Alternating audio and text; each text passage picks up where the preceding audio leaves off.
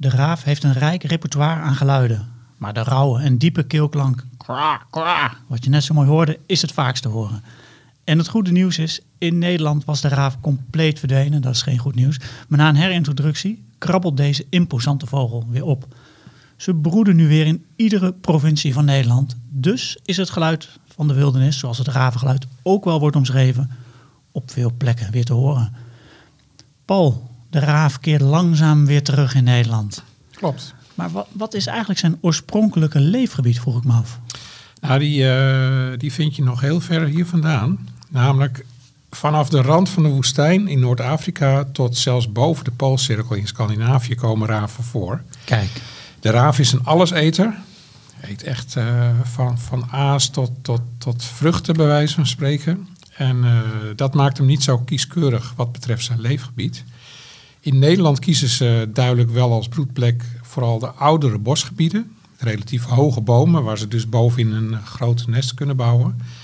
Beperkte ondergroei met struiken, maar van nature zijn het uh, echt klif- en rotsbroeders, wat je nog terugziet aan de eieren.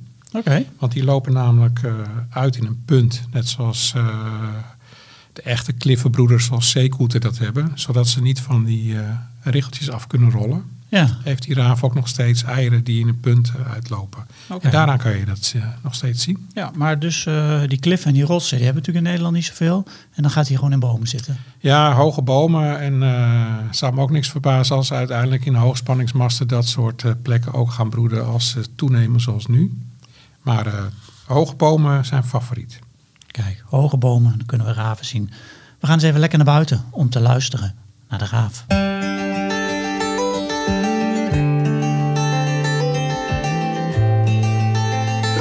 Presenteert Notenkrakers.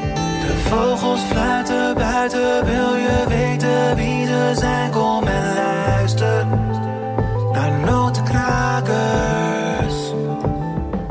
Welkom bij de podcast Notenkrakers. Mijn naam is Daniel Mulder en in deze podcast neem ik je mee in de wereld van de chilpende, zingende, piepende en kwakende vogels. En tijdens deze reis door de wereld van de vogelgeluiden is ook altijd Roots-redacteur en collega Paul Beur aanwezig, die bijna alles weet over vogels.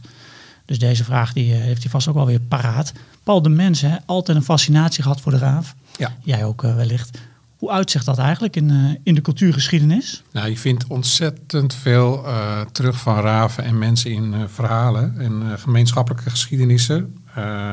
om te beginnen, de Griekse filosoof Aristoteles, die deed al ravenwaarnemingen. Die schreef hij ook op. Vind ik leuk, vind ik leuk om te horen. Dat is eigenlijk ook al een beetje een, een oude vogelaar. en de, de Scandinavische oppergod Wodan had zelfs twee raven in dienst die uh, dingen voor hem deden. Want uh, raven zijn uh, natuurlijk uber intelligent, waarover straks veel meer. En dan vind je bijvoorbeeld het hele beroemde gedicht The Raven van Edgar Allan Poe. Of Disney-tekenfilm Door een Roosje, waarin de raaf Diablo de opdracht krijgt om zijn duistere meesteres Malafide om door een roosje op te sporen. Kijk. Maar wat ik nog steeds, als je, als je aan de raven denkt, denk ik toch altijd meteen aan de Tower Bridge. Da, Want? Da, da, daar, denk ik daar, niet aan. Nou, daar, daar leven al, al heel lang raven. Zelfs in de tijd dat het hier heel slecht met die raaf ging. Ik ben ooit in Londen geweest en toen ben ik meteen naar de Tower Bridge gegaan om raaf te zien. Want die had ik nog nooit in het echt gezien. Daar wel. Dus ik, ik was eigenlijk een beetje... Uh, want ik, toevallig twee jaar geleden was de koningin van de ravenkolonie overleden. Uh, zij heette Merlina. En toen ben ik daar eens eventjes wat dieper ingedoken. En wat blijkt nu? Uh, als de raven verdwijnen van de Tower Bridge, dan valt het koninkrijk. Dan is het gewoon gebeurd. Dan is of die bridge die stort in, of die hele koninklijke familie uh, gaan exit. Dan is het gewoon klaar. Kijk. Dus wat, wat ooit is afgesproken door uh, vorige vorsten, en daar hebben heel veel mensen zich ooit ook mee bemoeid waaronder Winston Churchill, dat er altijd zeven raven op de Tower Bridge moeten zijn. Want als het er minder worden dan zes, dan gaat de noodklok geluid worden. Dus ze worden uh, daar in ere gehouden. En, uh, dus het was even schrikken twee jaar geleden toen opeens de koningin van de groep, er schijnt dus een soort leidster in die groep te zijn, mm -hmm. was verdwenen. Ze hebben er nooit terug kunnen vinden. Dus waarschijnlijk is ze gewoon overleden ergens eh, op een plek die niet, eh, waarin ze niet te vinden was. Maar ze zullen altijd daar zes raven op die touwenbrits eh, minimaal eh, houden. En wat ook nog heel bijzonder is, de oudste is daar ooit 44 jaar oud geworden. Kijk, Dus het is best wel indrukwekkend, vind je niet? nou, dat vind ik heel indrukwekkend. Kijk, daarom vind ik raven zo interessant, omdat ze zulke mooie verhalen met zich meedragen. Deze ken ik dus niet van, van de Tower Bridge. Dus eh, die worden vertroeteld.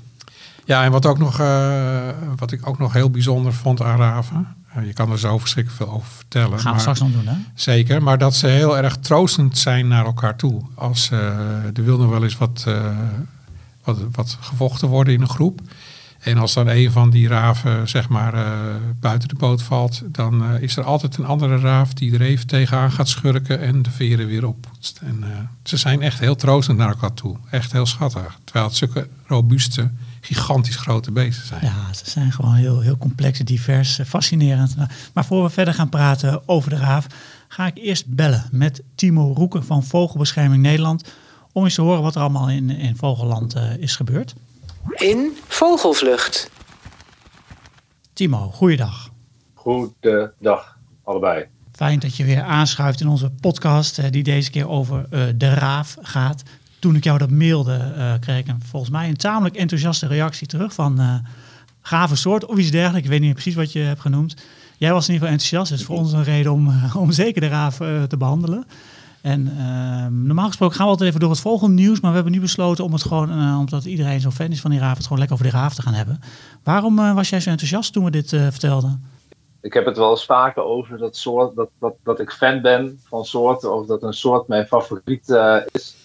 En natuurlijk, ja, dat is een beetje raar, want één soort kan maar eigenlijk je favoriet zijn. Ja, dan kies ik eh 100 van de 100 keer kies ik raaf. Dit is echt, voor mij is dit eh, het summen, zeg maar, van eh, hoe tof vogels kunnen zijn. Alles, maar dan ook alles aan deze soort vind ik tof.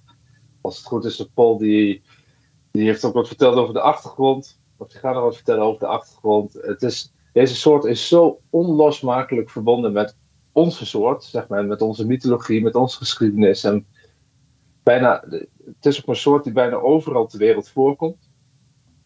En op de plekken waar die voortkomt, ja, daar heeft hij ook een soort van magisch, magische statuur. Deze soort raakt mensen. En mij ook. Maar wat vind je dan met name interessant? De, biologie van de raaf of, of echt dat, dat cultuurhistorische, die, die verbindenis met de mens? Nou, dat, dat vind ik sowieso interessant. maar het gaat, ja, het gaat mij ook echt wel om de soort zelf. Als je het, ehm, als je het geluid hoort. eh, ja, alsof, je, alsof je duizend jaar terug gaat in de tijd, vind ik altijd. Het is een heel, heel, typisch, heel typisch geluid. En waarbij ik, waarbij ik bij mensen geen fan ben van een rollende R.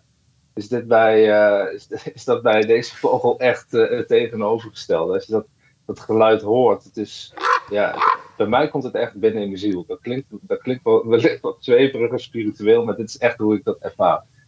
Heb jij dat ook, Ja. Paul?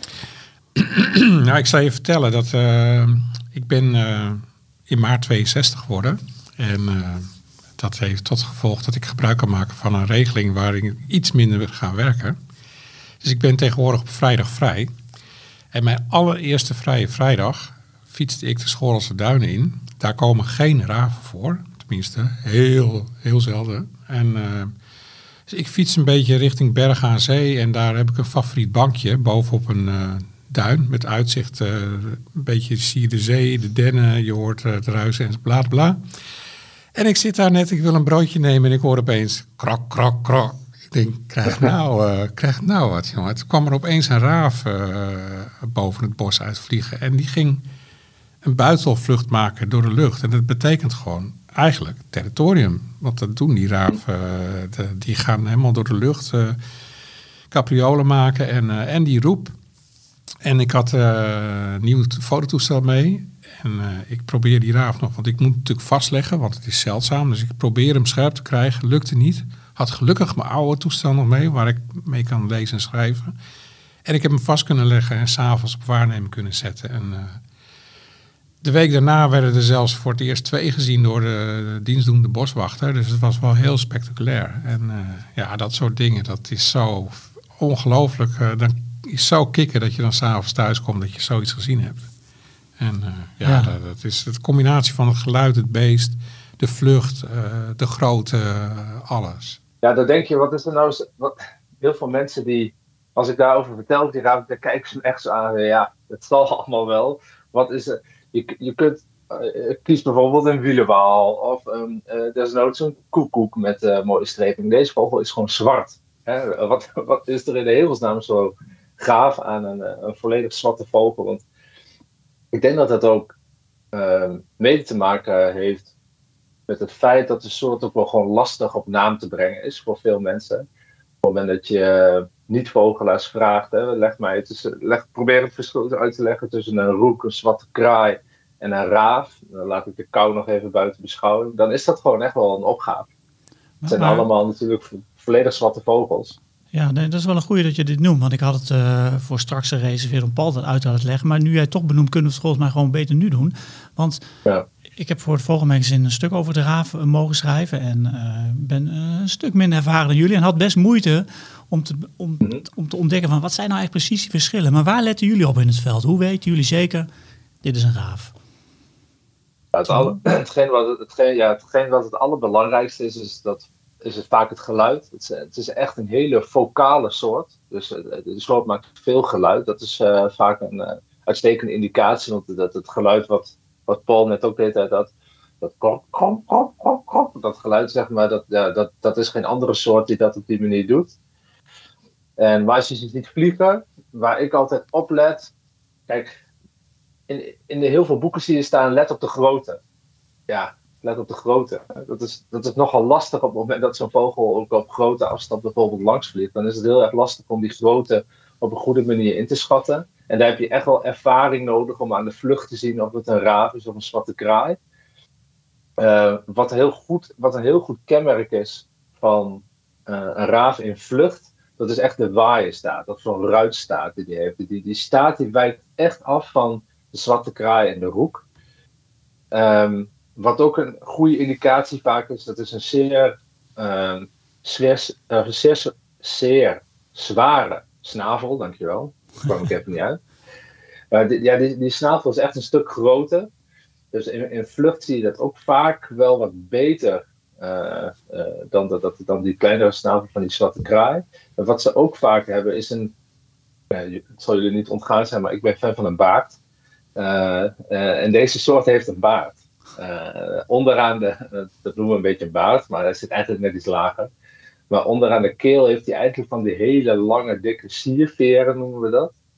En op het moment dat ze eh, soms vliegen, dan zie je die wel een beetje uitsteken. Dus, maar het, is wel echt iets voor, eh, ja, voor de geoefende vogelaar. Is ongeveer zo groot als een buizerd. Dus dat betekent dat ze ongeveer een spanwijdte hebben van zeg, nou, 1,20 meter, 1,30 meter. Ehm, maar goed, het is, eh, het is lastig in te schatten. Dus misschien dat daarom ook de waardering voor deze soort wat lager ligt. Omdat het gewoon wat moeilijker is. Wat Ja. ook een eh, heel goed kenmerk is ten opzichte van de zwarte kraai. Ik was ooit op Texel eh, met een groep van roots en toen vloog er opeens een raaf over. En die zijn op Texel heel zeldzaam. maar ik was toevallig net eh, daarvoor een paar weken op de Veluwe geweest. Dus ik, ik had hem helemaal in mijn hoofd zitten. En ik zie zo'n kraai, enorme kraai achter de duinen eh, over ons heen vliegen. Dus ik roep heel hard raaf. Waarop Klaas de Jong zegt raaf. Dat kan helemaal niet, want die, ze hebben, die hebben we niet op Texel. En toen heeft iemand een foto van zijn, eh, van zijn vleugel gemaakt. En daarna verdween hij achter de duin, nooit meer teruggezien. En zo'n raaf heeft dus vijf uitstekende slagpennen als die zeg maar vliegt. En een zwarte kraai zes. Dus we konden daarna de vleugelpunten, of de, de, Mhm. de slagpennenpunten tellen. En toen bleek Ja. dus achteraf, eh, zagen we trouwens ook nog heel mooi die zwarte lange veren uit zijn keel steken.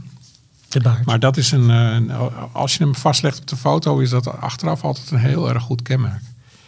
Ja, Je zou dan- juist dan- denken dan- dat een zwarte kraai eh, eh, meer, eh, omdat die raaf Ja, groter is, bredere vleugels hebben. Maar die raaf heeft je ook weer wat meer toelopende vleugelpunten. Mhm. Ja, wat ook een goed kenmerk is. Ook goed kenmerk, het is eigenlijk een heel vaag kenmerk. Maar dat die, die raven die zweven ook wat vaker. Zeg Ja, maar. die, Klopt. die, die, die vleugelslag is veel onregelmatiger en, en kraai vliegen, eh, vliegen veel doelbewuster zeg maar, ergens naartoe met, een- met best wel met een goede vleugelslag. En zo'n raaf die, eh, die, die heeft natuurlijk meer draagkracht omdat hij wat groter is. Dus die, die vangt ook meer thermiek op. Dus die, die, die klapt soms een paar keer en dan zweeft hij een stukje en dan klapt hij weer een paar keer. Dus dat is ook wel vaak wat anders dan met een kraai of een broek.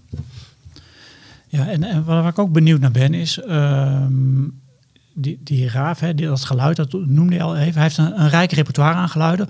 Hoor je, hè, die roep is natuurlijk bekend, maar al die andere geluiden die een raaf kan maken, ehm, hoor jij dat soort geluiden ook in het veld als vogelaar? Of hoe, hoe zit dat? Hoe vaak hoor je Ja. zoiets? Ja, veel minder. En dat, dat is ontzettend jammer, want dat is natuurlijk een beetje. Kijk, raven zijn super intelligent. Op het moment dat, waar ik ze vaak zie, dat zijn de veengebieden hier eh, in de buurt. En natuurlijk de Sallense Heuvelrug eh, waar ze eh, zitten. Die vogels weten altijd eerder dan.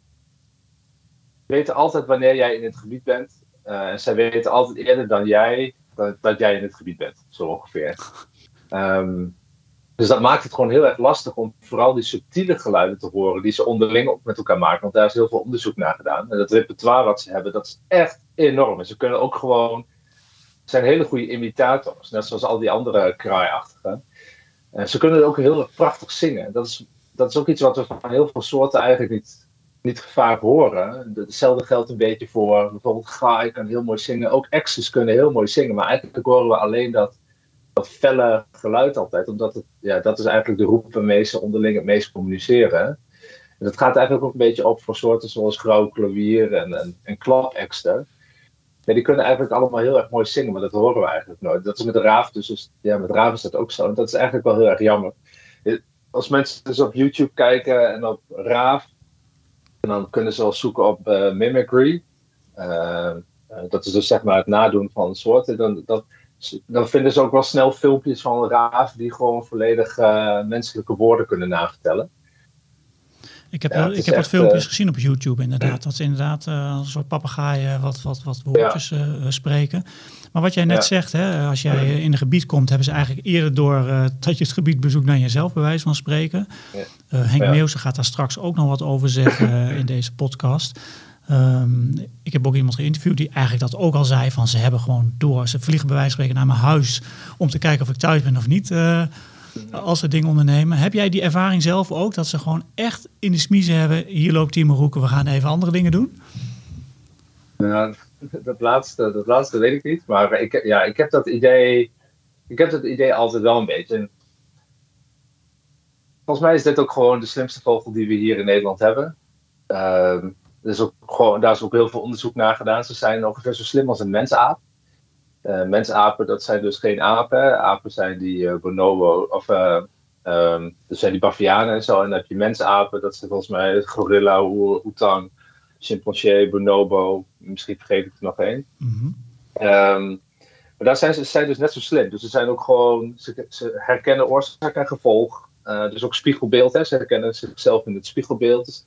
Op het moment dat wetenschappers een witte stip op hun hoofd schilderen, dan kijken ze naar zichzelf, hé, hey, wat, wat, wat heb ik op mijn hoofd zitten? Dus ze herkennen zichzelf in, in, in die spiegel, wat echt een, een teken is van intelligentie. En wat ook heel bijzonder is, is dat hun cognitieve vaardigheden, die zijn die zijn eigenlijk al volledig ontwikkeld vanaf vier maanden. Dus een, een, een, een raaf van vier maanden oud is eigenlijk cognitief gezien. Hè, zo- Zo'n raaf mist natuurlijk, eh, zo'n jonge raaf mist ontzettend veel ervaring. Want een raaf kan eh, bijna 44 jaar oud worden. Ehm, zo'n raaf heeft eigenlijk na vier maanden al de cognitieve vaardigheden om al die puzzels op te lossen. Alleen mist het nog de ervaring. Dat is ook echt bizar snel. Ehm, jullie kiezen ook altijd een gebied uit, hè? Eh, een natuurgebied van de maand. Volgens mij hebben jullie die ook gekoppeld dit keer aan, eh, aan de Raaf. Welke is dat eh, geworden? Paul? Paul, aan jou de eer. Eh, Hoge Veluwe. Ik ben daar in juni geweest. Eh, Ik ben twee keer eh fietsje gepakt. Eh, witte fiets kan je daar gewoon pakken bij de ingang. En dan kan je over het, eh, over het terrein van de Hoge Veluwe fietsen. Daar maak je echt een hele grote kans om raven te horen, maar ook te zien. Als je vooral in de buurt van het Delense veld, als je daar over het fietspad, zeg maar, heb je rechts het bos en links het Delense veld. Daar maak je uh, bijna 100% kans om, uh, om een raaf uh, te zien. Zeker op een mooie dag, als het wat warmer is, dat ze lekker door de lucht gaan vliegen. Dan, dan vind, denk ik dat je daar de grootste kans maakt. En los daarvan, op de is sowieso heel leuk vogelen. Je hebt vijf soorten spechten hele grote kans dat je de wespendief uh, ziet in augustus. En um, ja, slangarend zit er ook alweer een paar weken. En het is ook een, uh, eigenlijk een vaste gast geworden van, het, van juist dat Delense veld. Dat je hem daar ziet bidden. prachtige vogel, heel groot wit. Ook een joekel van een ding. dus ja. onze tip van de maand is... ga eens een keertje naar de Hoge Veluwe. Ja, goede, goede tip natuurlijk, want dat, is, dat is een prachtig gebied en een mooi soort ook noem je. Had je nog een aanvulling, Timo? Ja, het is inderdaad, ja, nee, wat Paul zegt klopt als een bus. Is een prachtig gebied en het leuke is dat je daar echt, uh, er zijn genoeg parkeerplaatsen. Het is natuurlijk, het ligt ontzettend centraal in Nederland. Um, dus het is voor veel mensen ook niet uh, heel ver rijden. Uh, waardoor de uitstoot misschien weer wat minder is. En je kunt daar ook uh, prachtig fietsen, je kunt daar fietsen huren. Je kunt er prachtige, prachtige wandelingen maken, ook door de bossen. Dus ook als het een keer een hele warme dag is, dan zijn die bossen toch altijd nog wel net weer wat koeler. En qua soorten, ja, je zit daar gewoon heel erg goed. En in deze tijd van het jaar is het wel wat lastiger om die vijf, uh, om die vijf soorten spechten te, te vinden. Maar uh, is inderdaad, uh, doe wel even goed je huiswerk voordat je daar naar buiten gaat en verwacht zomaar even de wespendief te zien. Het verschil tussen wespendief en buis is, uh, is toch nog wel lastig. Dus wel even je huiswerk doen, dus ook een goede vogelgids meenemen. En wat nog beter is, is natuurlijk foto's maken en dan thuis even goed bestuderen. Maar zo'n slangenarend, dat, is, uh, ja, dat was 15 jaar geleden ook gewoon niet, uh, hadden we ook niet voor mogelijk gehouden dat die soort elk jaar weer in Nederland terug zou komen. Nou, ik, ik hoor het al. Volgens mij is dit, zijn dit, heb je niet meer argumenten nodig om naar de Hoge Veluwe te gaan. Um, Timo, mag ik jou hartelijk bedanken voor je, voor je mooie bijdrage over de Raven en over de Hoge Veluwe. En we spreken jou de volgende keer weer. Yes, heren, tot dan. De mooie vogelgeluiden die je hoort in notenkrakers komen van de app Bird Sounds Europe. Henk Meeuwse, die ook voor ons Vogelmagazine schrijft, heeft veel van die geluiden voor de app opgenomen.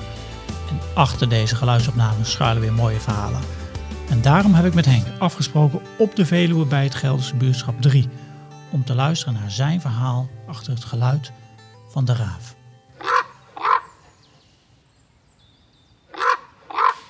Henk, wat hoor jij hier allemaal? Nou, hier ter plekke even, daar ligt een boom op instorten. En hij wordt gedragen door nog wat takken, maar hij gaat zo meteen vallen. Maar wij staan er niet onder.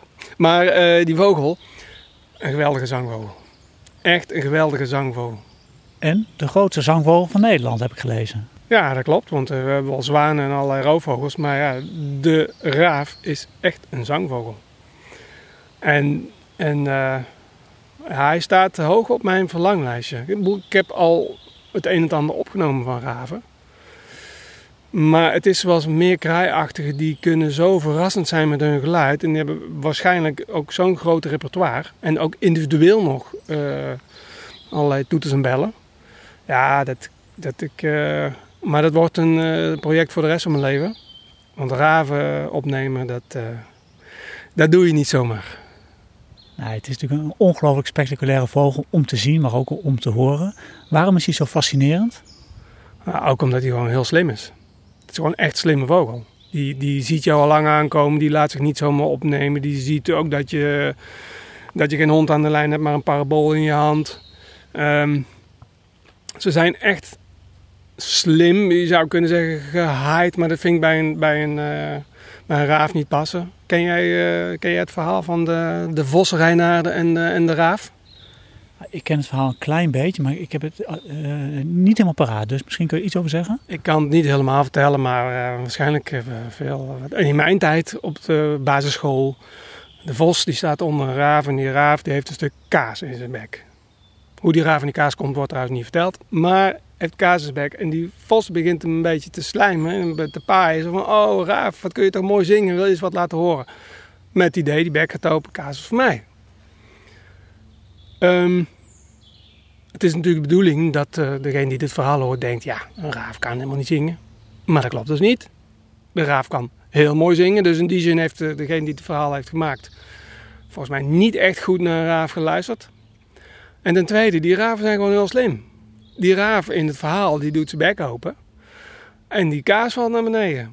Maar dat zou een echte raaf gewoon nooit gebeuren. Dus volgens mij, dat hele verhaal deugt van geen kanten. En als een raaf al zijn, zijn, boel, eh, zijn kaas zou laten vallen, dan zou je denken, dan is die, is die vos met zijn kaas bezig. Dan haal ik wel een jongen uit zijn hol om op te eten, weet ik veel. Dus dat verhaal klopt van geen kanten. De raaf is echt een mooie zanger. De raaf voelt zich terecht gevleid door de vos. Want ik kan mooi zingen. Kan ze, misschien de raaf het niet, omdat het heel gewoon voor hem is.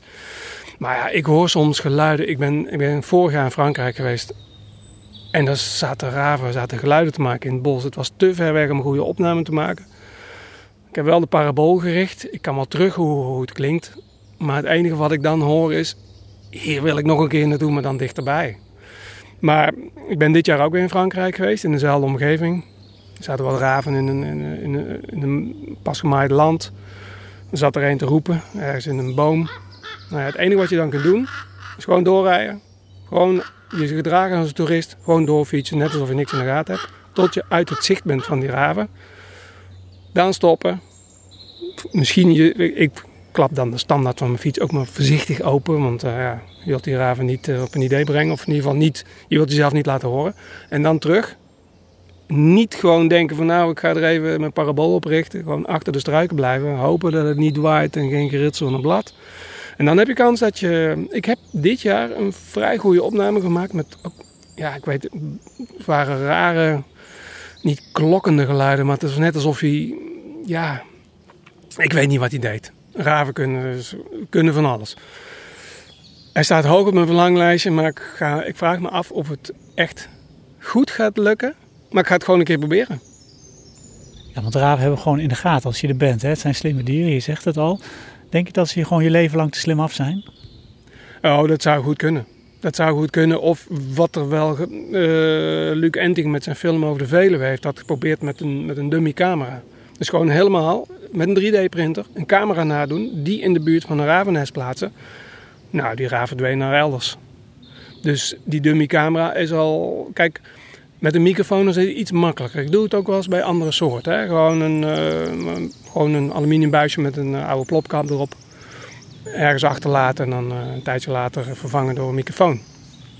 Maar ik weet het niet. Die raven zijn gewoon heel... Het zou best kunnen dat, dat ik de microfoons dan vervang en dat die raven ineens doorhebben. Ja, maar nu hangt er een snoer aan. Ja, ze herkennen het niet als snoer, maar zien, het is anders. Hier is iemand geweest. Even niet in de buurt komen. Maar ja, het is, het is mooi om, om uitdagingen te hebben. En, en al lukt het niet, um, het is gewoon altijd mooi om raven tegen te komen. Om ons door roepen. Ik vind het echt een oergeluid. Het is echt een oerklank. Het, zit heel, het is een, een laag frequent. Het, het, het rolt mooi. En als je dan in zo'n bos als hier, op de Veluwe, hè, daar, daar hebben we van oudsher, of daar zijn ze toen ook uitgezet, best veel raventerritoria. Dan, dat, dat galmt, dat geluid van een raaf. Ja, het is, het is van alle kanten een mooie vogel om mee te maken. En ja, vooral ook om op te nemen. En het is tenminste ook een uitdaging. In plaats van bijvoorbeeld een huismus waar we het nog eens over gaan hebben. Mooi Henk, dat klinkt als een pensioenproject voor later om, om al die geluiden van de ravis te vangen. We gaan er één keer luisteren naar dat oergeluid zoals Henk dat omschrijft.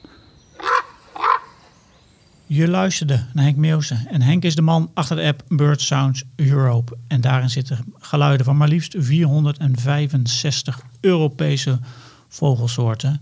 De moeite waard dus uh, om te downloaden, want dan heb je alle vogelgeluiden gewoon lekker in je broekzak. Paul, we zijn lekker over raven aan het praten en uh, Timo en jij hebben er al een heleboel over verteld, maar er valt natuurlijk gewoon nog veel meer over te vertellen. Um, ja, waar ik benieuwd naar ben, Timo zei het net al heel even um, over het verdwijnen van de raven uit Nederland. Ja. Kun jij daar iets, uh, iets uitgebreider wat over vertellen? Wanneer zijn ze verdwenen en hoe ging dat allemaal? Nou, wij vogelaars uh, kunnen natuurlijk uh, hilarisch over de raaf vertellen hoe mooi en hoe groot, et cetera, hij wel niet is. Maar voor heel veel andere mensen is die raaf niet zo'n feestje altijd geweest. Um, sterker nog, hij werd bijvoorbeeld gezien als voorbode van de dood, omdat hij natuurlijk uh, hartstikke zwart en groot is. Mensen vonden hem, uh, heel veel mensen vonden hem gewoon eng. Eh, hij werd ook toegedicht dat hij eh, eh, de verkondiger van de duivel zou zijn. Eh, en heel veel eh, werd hij gelieerd aan, aan zonde en dat soort dingen, grote Ja. zondes. Een sombere vogel. Ja, maar vooral ook eh, door heel veel eh, mensen gezien als eh, ja, dat hij ook uh, fazanten opvrat en alle andere beesten en eigenlijk meer kwaad deed dan goed. Wat hem dus ook rond 1900 eh, waren ze eigenlijk gewoon bijna in heel Europa door, door vervolging verdwenen. Dus gewoon echt letterlijk is die hele populatie weggevaagd. En bij ons in Nederland eh, verdween de laatste in eh, 1928 bij Nijkerk. Eh, ik denk geschoten of eh, op anderszins eh, wijze vernietigd. Ja, en daarna was het gewoon doodstil. Ehm, en ehm, Geen raven meer. nee, begonnen eh, heel veel mensen en vooral natuurlijk natuurliefhebbers die vogel wel heel erg te missen. En de, de, ik dacht altijd dat die herintroducties pas in de jaren 60, 70 eh, waren begonnen. In, eh, op de Veluwe en op de Utrechtse Heuvelrug hebben ze toen grote kooi eh, neergezet...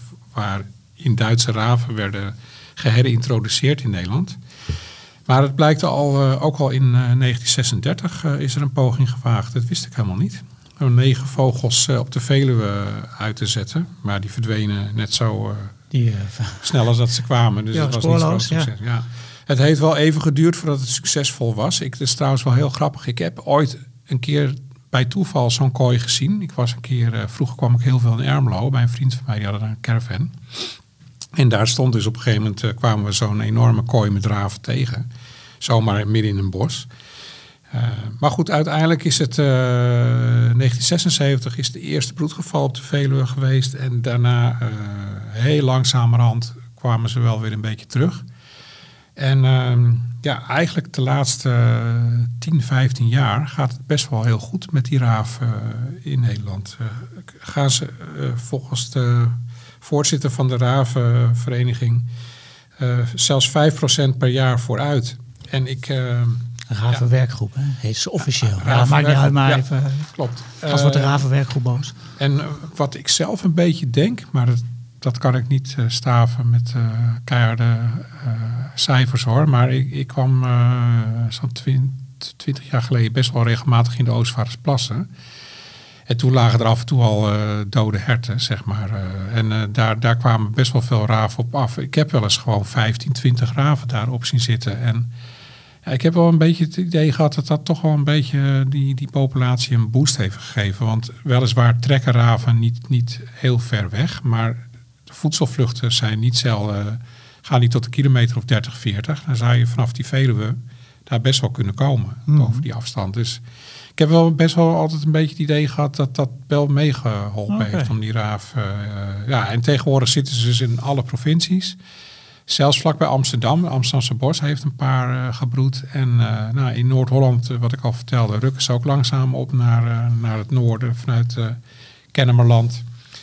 Dus eh, ook regelmatig eh, op Texel gezien. Dus dan zie je wel dat, dat die, vooral jonge vogels, waarschijnlijk toch wel wat verder eh, proberen te zoeken naar een territorium.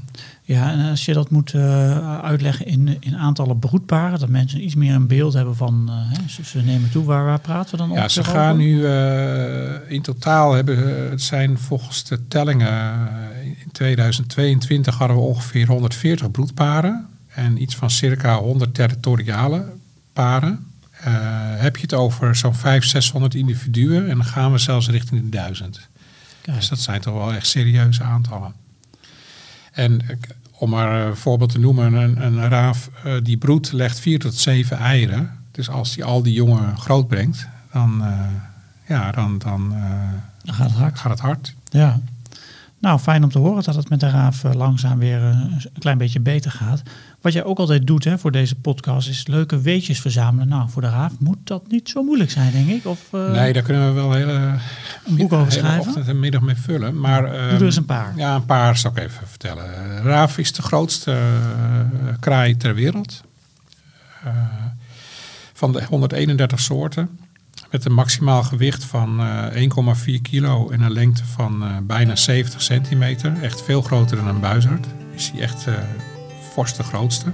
Veel, maar eh, Timo zei ongeveer als een buis. Dat las ik ook ergens anders. Jij veel Hij is echt Oh. groter dan een eh, Wel buizerd. groter, oké. ja, ja, een buis iets groter. Flinke, ja. flinke Zeker. Ehm, partners voor het leven. Ze zijn echt eh, heel erg monogaam. Ze verzorgen samen het nest, waarbij het mannetje vooral eh, het materiaal verzamelt en het vrouwtje eh, meer eh, bouwt. Ehm, het zijn magnifieke vliegers die heel veel in een balsvlucht de echte gekste capriolen kunnen helemaal om hun ast heen draaien en op zijn kop vliegen. Heel spectaculair om te zien. Hij kan dus gewoon ook zweven op thermiek, zoals een roofvogel dat doet. En dat is dan ook weer, waar we het al eerder over hadden, heel goed kenmerk. En nou ja, Ga Dat zijn maar, zo ga een maar paar. door. Hè. Dat Dat, zijn eh, dat zijn er een paar. Nou, mooi- mooie weetjes. eh. Eh, interessante vogel, dat is eh, één ding wat helemaal duidelijk is. Ehm, nou, wat je, je hebt nog meer uitgezocht. Hè. Dat is voor, eh, voor de volgende rubriek die we gaan beginnen. In deze rubriek stellen luisteraars vragen over vogels. Wat een vraag! Ja, de vogelvraag. En we hebben een vraag binnengekregen van Karel Hendricks. En hij mailt ons: Ik ben beginnend vogelaar en ik heb een vraag met betrekking tot vogelnamen. En dan wil je eigenlijk, waarom is er een waterspreeuw en een spreeuw, nachtzwaluwen en zwaluwen, schoolexes en exes? En dan zegt hij: Namen doen lijken alsof ze familie zijn, maar schijnbedriegt. En hij wilde eigenlijk weten: hoe is dat allemaal zo tot stand gekomen? En jij hebt dat uitgezocht, Paul. Ja, vogelnamen. Daar is al eh, heel veel over gezegd en geschreven. Ja, ehm, eh, er is toevallig een tijdje terug een heel leuk boekje verschenen van Twan Andernach. Paardman en Boterkontje. Eh, de vogel en zijn naam. En daarin staan, eh, staan heel veel namen uitgelegd. Maar lang niet allemaal hoor. Maar toevallig de nachtzwaluw en de scholexter wel. Dus daar kan ik eh, in elk geval wel een antwoord op geven. Want heel veel naamgevingen gaan, gaan eeuwen terug. Om maar eens wat te noemen. De, Ja. de, de, de nachtzwaluw. Eh, er wordt gedacht dat het eh, van de, die naam van uit de oude taal is vertaald eh, zoals zwalwe. werd vroeger in het Latijns-Nederlands, Limburgs, was dat heel gebruikelijk. En dat lijkt op zwalbe. En dat betekent eigenlijk meer zwenken, zwalken. Zoals Mhm. een bekende voetballer uit Groningen wel eens van zwalbes werd dicht. Was dat de man van glas? Maar goed, zwenken en zwalken is eigenlijk de eh, vertaling van dat eh, zwalbe, wat later is eh, zwaluw is geworden. En dat, dat zijn dus vogels die heel veel zwenken. En dat doet een nachtzwaluw ook. En die doet het ook bij voorkeur in het donker. Vandaar de naam nachtzwaluw. En scholekster, dan denk je al heel gauw dat hij een school eet. Want het is natuurlijk een vogel die heel veel langs de kust voorkomt. Mhm. Echter, school betekent ook zoiets als eh droog stuk aarde of school. En dat daarmee eh, zou die scholexers zoeken als het eh, hoogwater wordt altijd plekken op waar ze kunnen rusten. En dat zijn dan de schollen. Mhm.